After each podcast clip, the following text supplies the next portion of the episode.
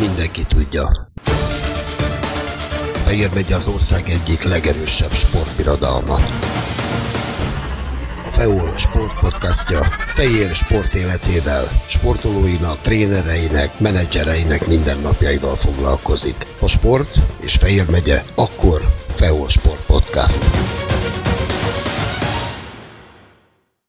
Negyedszázad rendkívül hosszú idő Tóth Istvánnal, az Alba Volán ZRT korábbi vezérigazgatójával, a sportklub társelnökével, majd elnökével a mögöttünk hagyott időszakot értékeltünk a jégkorong és az öttusa kapcsán, Vörös Zsuzsa olimpiai aranyérmétől egészen az Ebel második helyéig. Mióta vagy a Alba Volán SC elnöke? Elnökként 2017-től funkcionálok, de 1997-ben társelnöki pozíciót kaptam gyakorlatilag, amikor vezérigazgató lettem, akkor a Sárvári Laci is, Kulcsák Tóni is, és az Ocskai Gabi is megkerestek külön-külön, hogy segítsem a sportnak a minél eredményesebb működését, hiszen a bázisvállalat ugye évtizedeken keresztül a volán volt a sportklubnál. Természetesen én erre igent mondtam, hiszen gyerekkorom óta mert a sporttal be vagyok oltva. Magam is sportoltam fiatalkoromban, de a legkülönbözőbb sportágokat követtem, különböző eseményeket, és aktívan űzöm a tömegsportot is, úgyhogy ez nekem nem jelentett problémát. Az elnöki posztra próbáltak először agitálni, de mondtam, hogy az... A 90-es évek végén. 90-es évek végén mondtam, hogy azt nem tartom célszerűnek, Nekem az Alba Volán ZRT működtetése, jobbítása volt az alapvető feladatom, és az nagyon sok energiát lekötött, viszont társelnökként nagyon szívesen segítek. De akkor már megfogalmaztunk olyan ö, kérdéseket, ami alapvetés lett az elkövetkező években, sőt egy-két évtizedben. Ezek közé tartozott az, hogy a öttusában is és a jégkorongban is olyan utánpótlás nevelő munkát kell csinálni, amely fehérvári fiatalokra épül, tehát egy kis lokálpatriotizmust vigyünk bele a rendszerbe. A második, amit megfogalmaztunk, és ezt közösen követendő célnak tettünk magunk elé, hogy a jégkorongban a korábbi második, harmadik, negyedik helyek helyett próbáljunk meg az ország legjobb, legelső jégkorong csapata lenni. Öttusában pedig az előző években ifjúsági és junior versenyeken elért nagyszerű eredmények után a felnőtt nemzetközi szinten is kimagasló eredményeket érjünk el. Én azt gondolom, hogy ez abszolút teljesült, hiszen ha megnézzük a sokak által a jégkorong zászlós hajójává nőtt ö, volán jégkorong csapatot, akkor egyértelmű, hogy a magyar jégkorongot a 2000-es években mi vittük a hátunkon.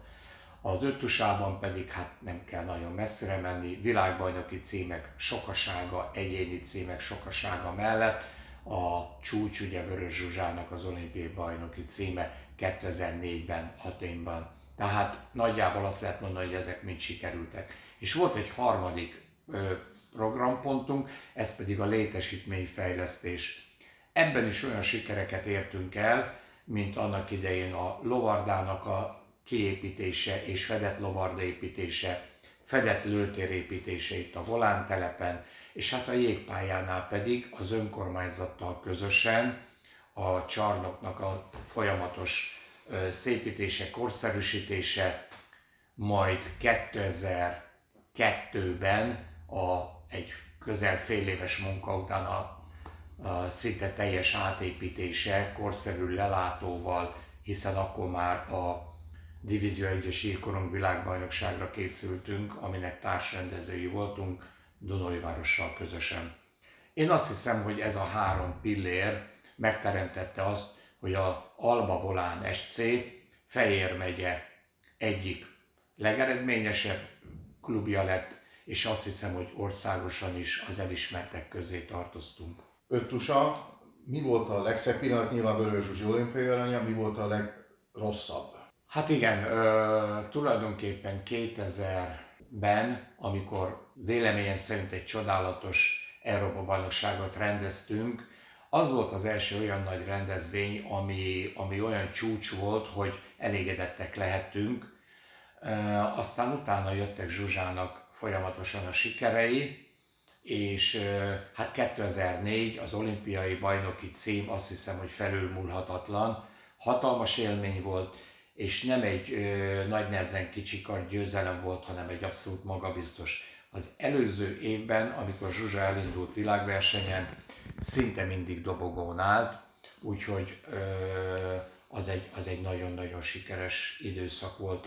Egyébként én a 2008-as Pekingi olimpiát is hasonlónak tartom, hiszen négy versenyző közül, amely Magyarországot képvisel, vagy akik Magyarországot képviselhették, abból három tőlünk került ki. Sajnos különböző okok, sérülések eh, miatt ott az eredmény az nem volt eh, a legjobb, de azért három emberrel olimpián lenni az nagyon komoly.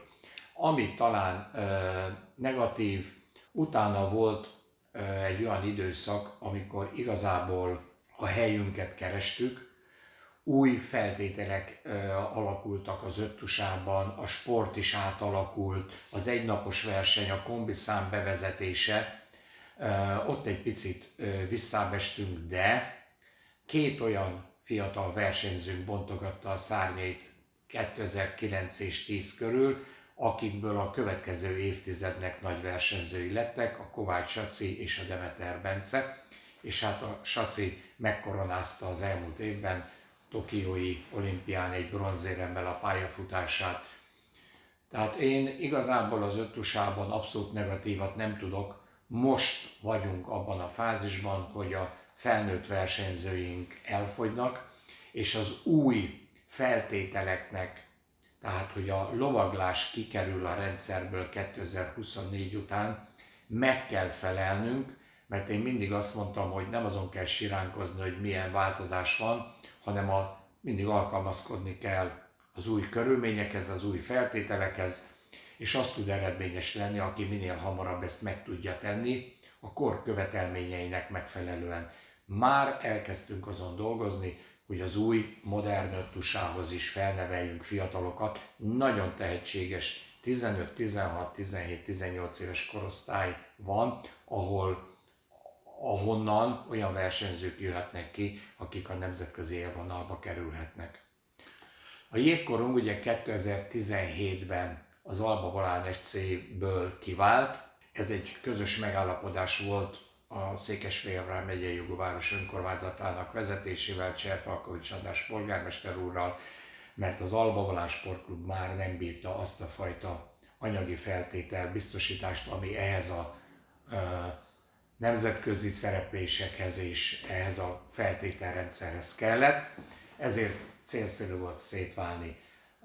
Itt is, hogyha visszamegyünk az időben, én azt gondolom, hogy a első és egyik legfontosabb, és talán mindenki számára a legfelemelőbb érzés az 1999. márciusban Dunói-városban hosszabbításban kivívott bajnoki cím, amely ugyan második volt a klub történetében, de hát az 1981-es az még a Budapestről ide költöztetett játékosokkal történt.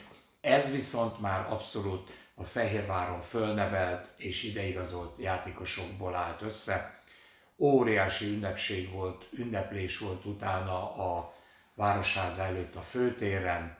Én azt gondolom, hogy az azóta is szinte a fehérvári bajnok csapatoknak egy olyan emblematikus hely, hogy ott van a szürkolókkal mindig egy kis találkozás.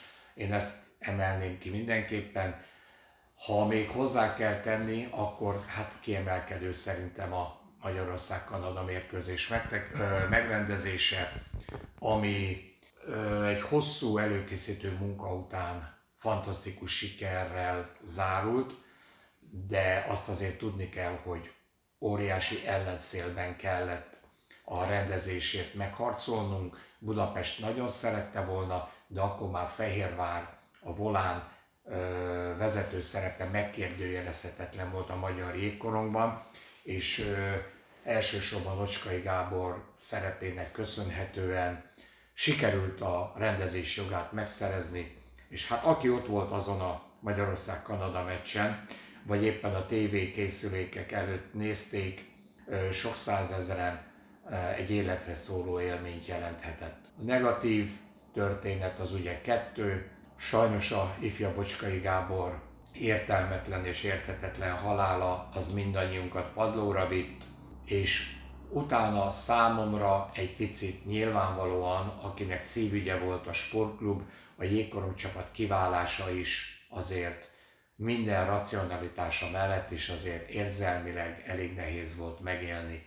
De örömmel látom, hogy a csapat a elmúlt szezonban végre a legjobb négybe, illetve a döntőbe tudott bekerülni az osztrák ligában, és nagyon szépen helytált. Minden meccsen kint vagyok, szurkolok, tehát megmaradtam szurkoló attól függetlenül, hogy a önálló klubban nyilvánvalóan, hogy már ö, szerepem nincsen, de szurkolóként abszolút rajongó vagyok.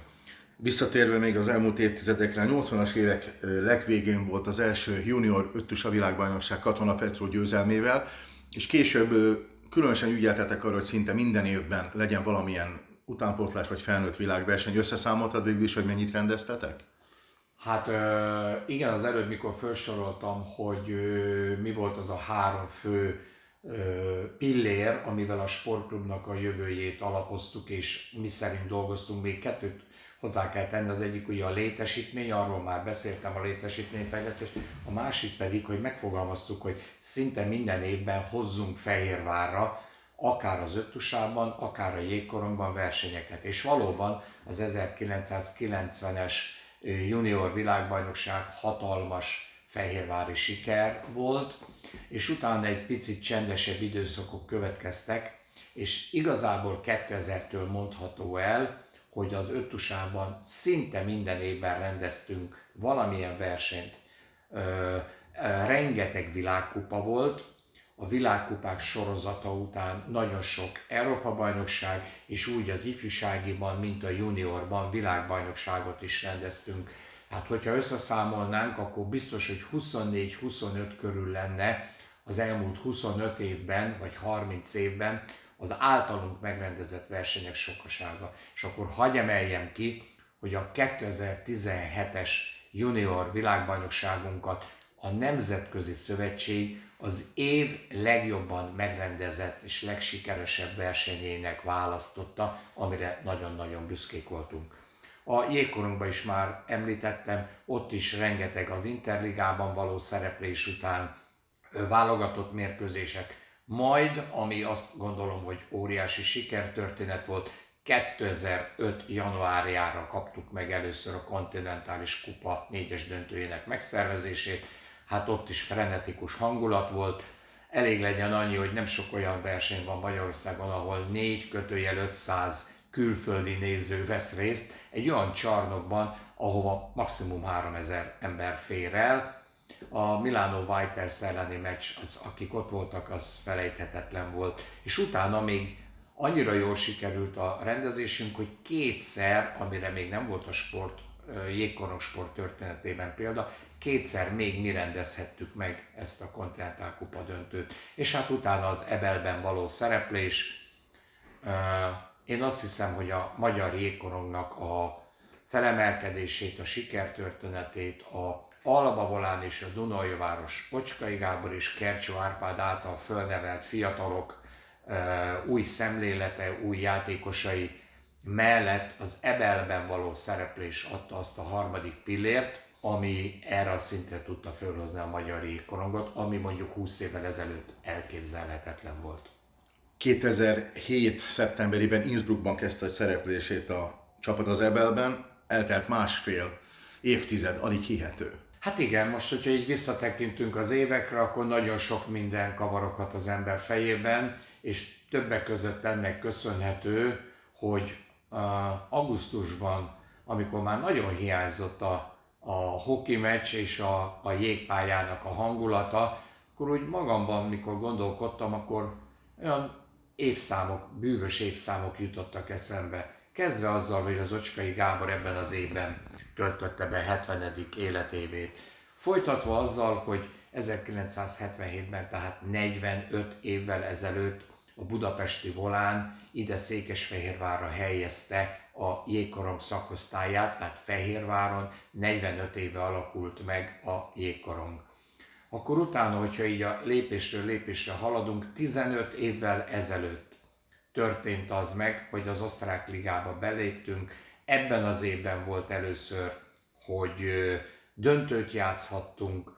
Ezek a misztikus számok tökéletesek voltak arra, hogy az ember egy kicsit végig gondolja, és hát akkor, ha itt meg lehet ezt említeni, eszembe jutott, hogy mi lenne, hogyha nem az Alba Volán sportklubról, hanem Ocskai Gáborról, akit különböző címszavakkal illetve, de volt, aki hoki pápának nevezte, szerintem megérdemli, megérdemli ezt a titulust. Csináljunk adott esetben, készítsünk egy könyvet, hiszen van miről beszélnünk az elmúlt 45 évről. Hangsúlyozottan ez nem a Alba Volánnak a jégkorong szakosztálya, hanem Ocskai Gábor munkássága. Ennek a könyvnek lesz a bemutatója a jövő héten. Reményeink szerint igen. Most már nyomdában van a könyv, és szeretnénk egy nyilvános bemutatót tartani majd. Ez a könyv egyébként megvásárolható nem lesz. Tervek szerint szeretnénk, hogyha olyan fiatal játékosok, olyan szurkolók, akik a szurkolók közül azok, akik az elmúlt néhány évtizedben abszolút mellettünk voltak, azok tudnának majd kapni belőle, és remélem meg is fogják kapni, illetve olyan fiatal gyerekek, akik most itt az akadémián pallérozódnak, és egy olyan példakép van előttük, hogy hát így lehet, ilyen szintű sporttevékenységet lehet végezni játékosként, sportvezetőként, és adott esetben emberként is, mint amit a Gábor csinált. Tehát ez a te ötleted volt ez a könyv? Igen. És büszke is vagy rá? Nem volt egyszerű ez az elmúlt három hónap összerakni, de igen, megmondom őszintén, büszke vagyok. Hát most miért kellene álszerénynek lenni? Sikerült összehozni, három részből áll tulajdonképpen. Ö, első harmad, második harmad, harmadik harmad, hogyha így nézzük, jégkorongos hasonlattal, a Gáborral való interjú, amely gyakorlatilag az életét öleli át, ez az első harmad, a második harmadban pedig pályatársak, támogatók, szurkolók, akik valamilyen módon segítették a csapatot, a Gábor munkásságát, egy-egy oldalban nyilatkoznak, végül a harmadik harmadban pedig az elmúlt 4-5-6 évtizedről kép összeállítás van. Szerintem jól sikerült, és hát igen, büszke vagyok rá, hogy egy ilyen könyvet sikerült összehozni. Sokak együttes munkájával. Öt éve lett önálló a jégkorong szakosztály, gyakorlatilag önálló városi klub, de azóta is ott vagy minden mérkőzésen. Így igaz, hogyha nincsen valami olyan családi vagy egyéb betegség vagy valami, akkor minden meccsen ott vagyok, és igazából abszolút szurkoló tudok lenni. Most már úgy is, hogy nem kell azt figyelnem, hogy hát azért bizonyos szintig felelek is a csapat működéséért, működtetéséért, stb. Most már csak igazi szurkolóként tudok, de elég vehemens tudok lenni. Egyszer Sárközi professzor, olyan 15 évvel ezelőtt, mikor együtt néztünk egy mérkőzést, és ő a Magyar Jégkorong Szövetség elnöke volt, akkor ott mellettem volt a vibben, és hát én elég vehemensen szurkoltam, és rám nézett és mondja, hogy na de elnök úr, hát az elnöknek higgadtabban kellene egy picit, mert egy bizony elég kemény szavakat is használtam, és akkor mondtam, hogy professzor úr, annyit szeretnék mondani, hogy mikor elkezdődik a meccs, én onnantól kezdve a meccs végéig szurkoló vagyok, és nem klubvezető. 2020 márciusában a Covid nagyon nehéz időszakot hozott a magyar sport teljes egészét tekintve, így az öttusában és a hokiban is. A jégkorong most már külön van, viszont az öttusa úgy tűnik a pandémiát túlélte, de jöttek az újabb megszorítások, ami ellen is próbáltok védekezni. Milyen megoldások vannak a csarnokot, bezárjátok, mi várható az elkövetkező időszakban? Hát én azt gondolom, hogy a, a talán a nemzetközi sportban is, néhány kivételtől eltekintve, de egyértelműen itt hazánkban nagyon komoly és nehéz helyzet alakult ki 2020 február-márciusa óta. Ugye akkor elkezdődtek a bezárások, nem voltak edzések, nem tudtunk normálisan edzéseket tartani, versenyek rendezése maradt el, Nagyon nehéz időszak volt, amit aztán úgy nagyjából sikerült túlélni, és Vörös Zsuzsa segítségével kidolgoztunk egy olyan programot, ami egyrészt az anyagi részét valami módon stabilizálta, másrészt pedig a versenyzőknek a felkészítését is megpróbáltuk úgy megoldani, különös tekintettel az, előttem, az előbb már említett 15-16-17 éves korosztályra, hogy egy picit előre tekintünk a 24 utáni, tehát a Párizsi olimpia utáni helyzetre.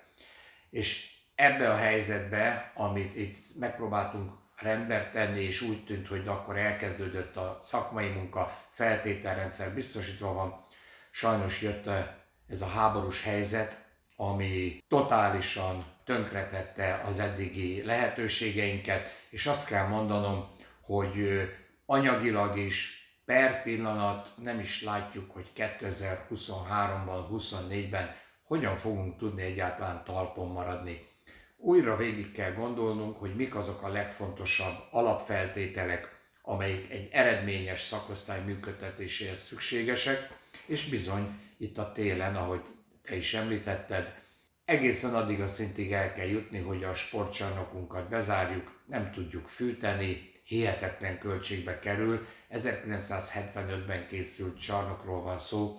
Az öltözők, a csarnoknak a nagy részének a korszerűtlensége, hát energiatakarékosságról abszolút nem lehet beszélni, tehát ilyen körülmények között csak az volt a megoldás, hogy a fűtést leállítjuk, és sajnos ö, olyan megszorító intézkedéseket kell tenni, amiknek nem örülünk. Tehát hasonló van mindenhol máshol is, ö, minket ez többszörösen érint, például az uszodák lehetőségei, úgyhogy ha ezt az egy évet, ami előttünk áll szerintem valahogy túléljük, akkor remélem, hogy 24-re, és itt ki kell emelnem a kormányzati és önkormányzati támogatásokat, amit ezúton is meg kell köszönnünk, hiszen azok nélkül a látványsportágak kivételével a sportklubok, a sportágak gyakorlatilag a éjhalál szélére kerülnének. Szponzorokat, támogatókat ezekhez a sportágakhoz nagyon nehéz találni. Igazából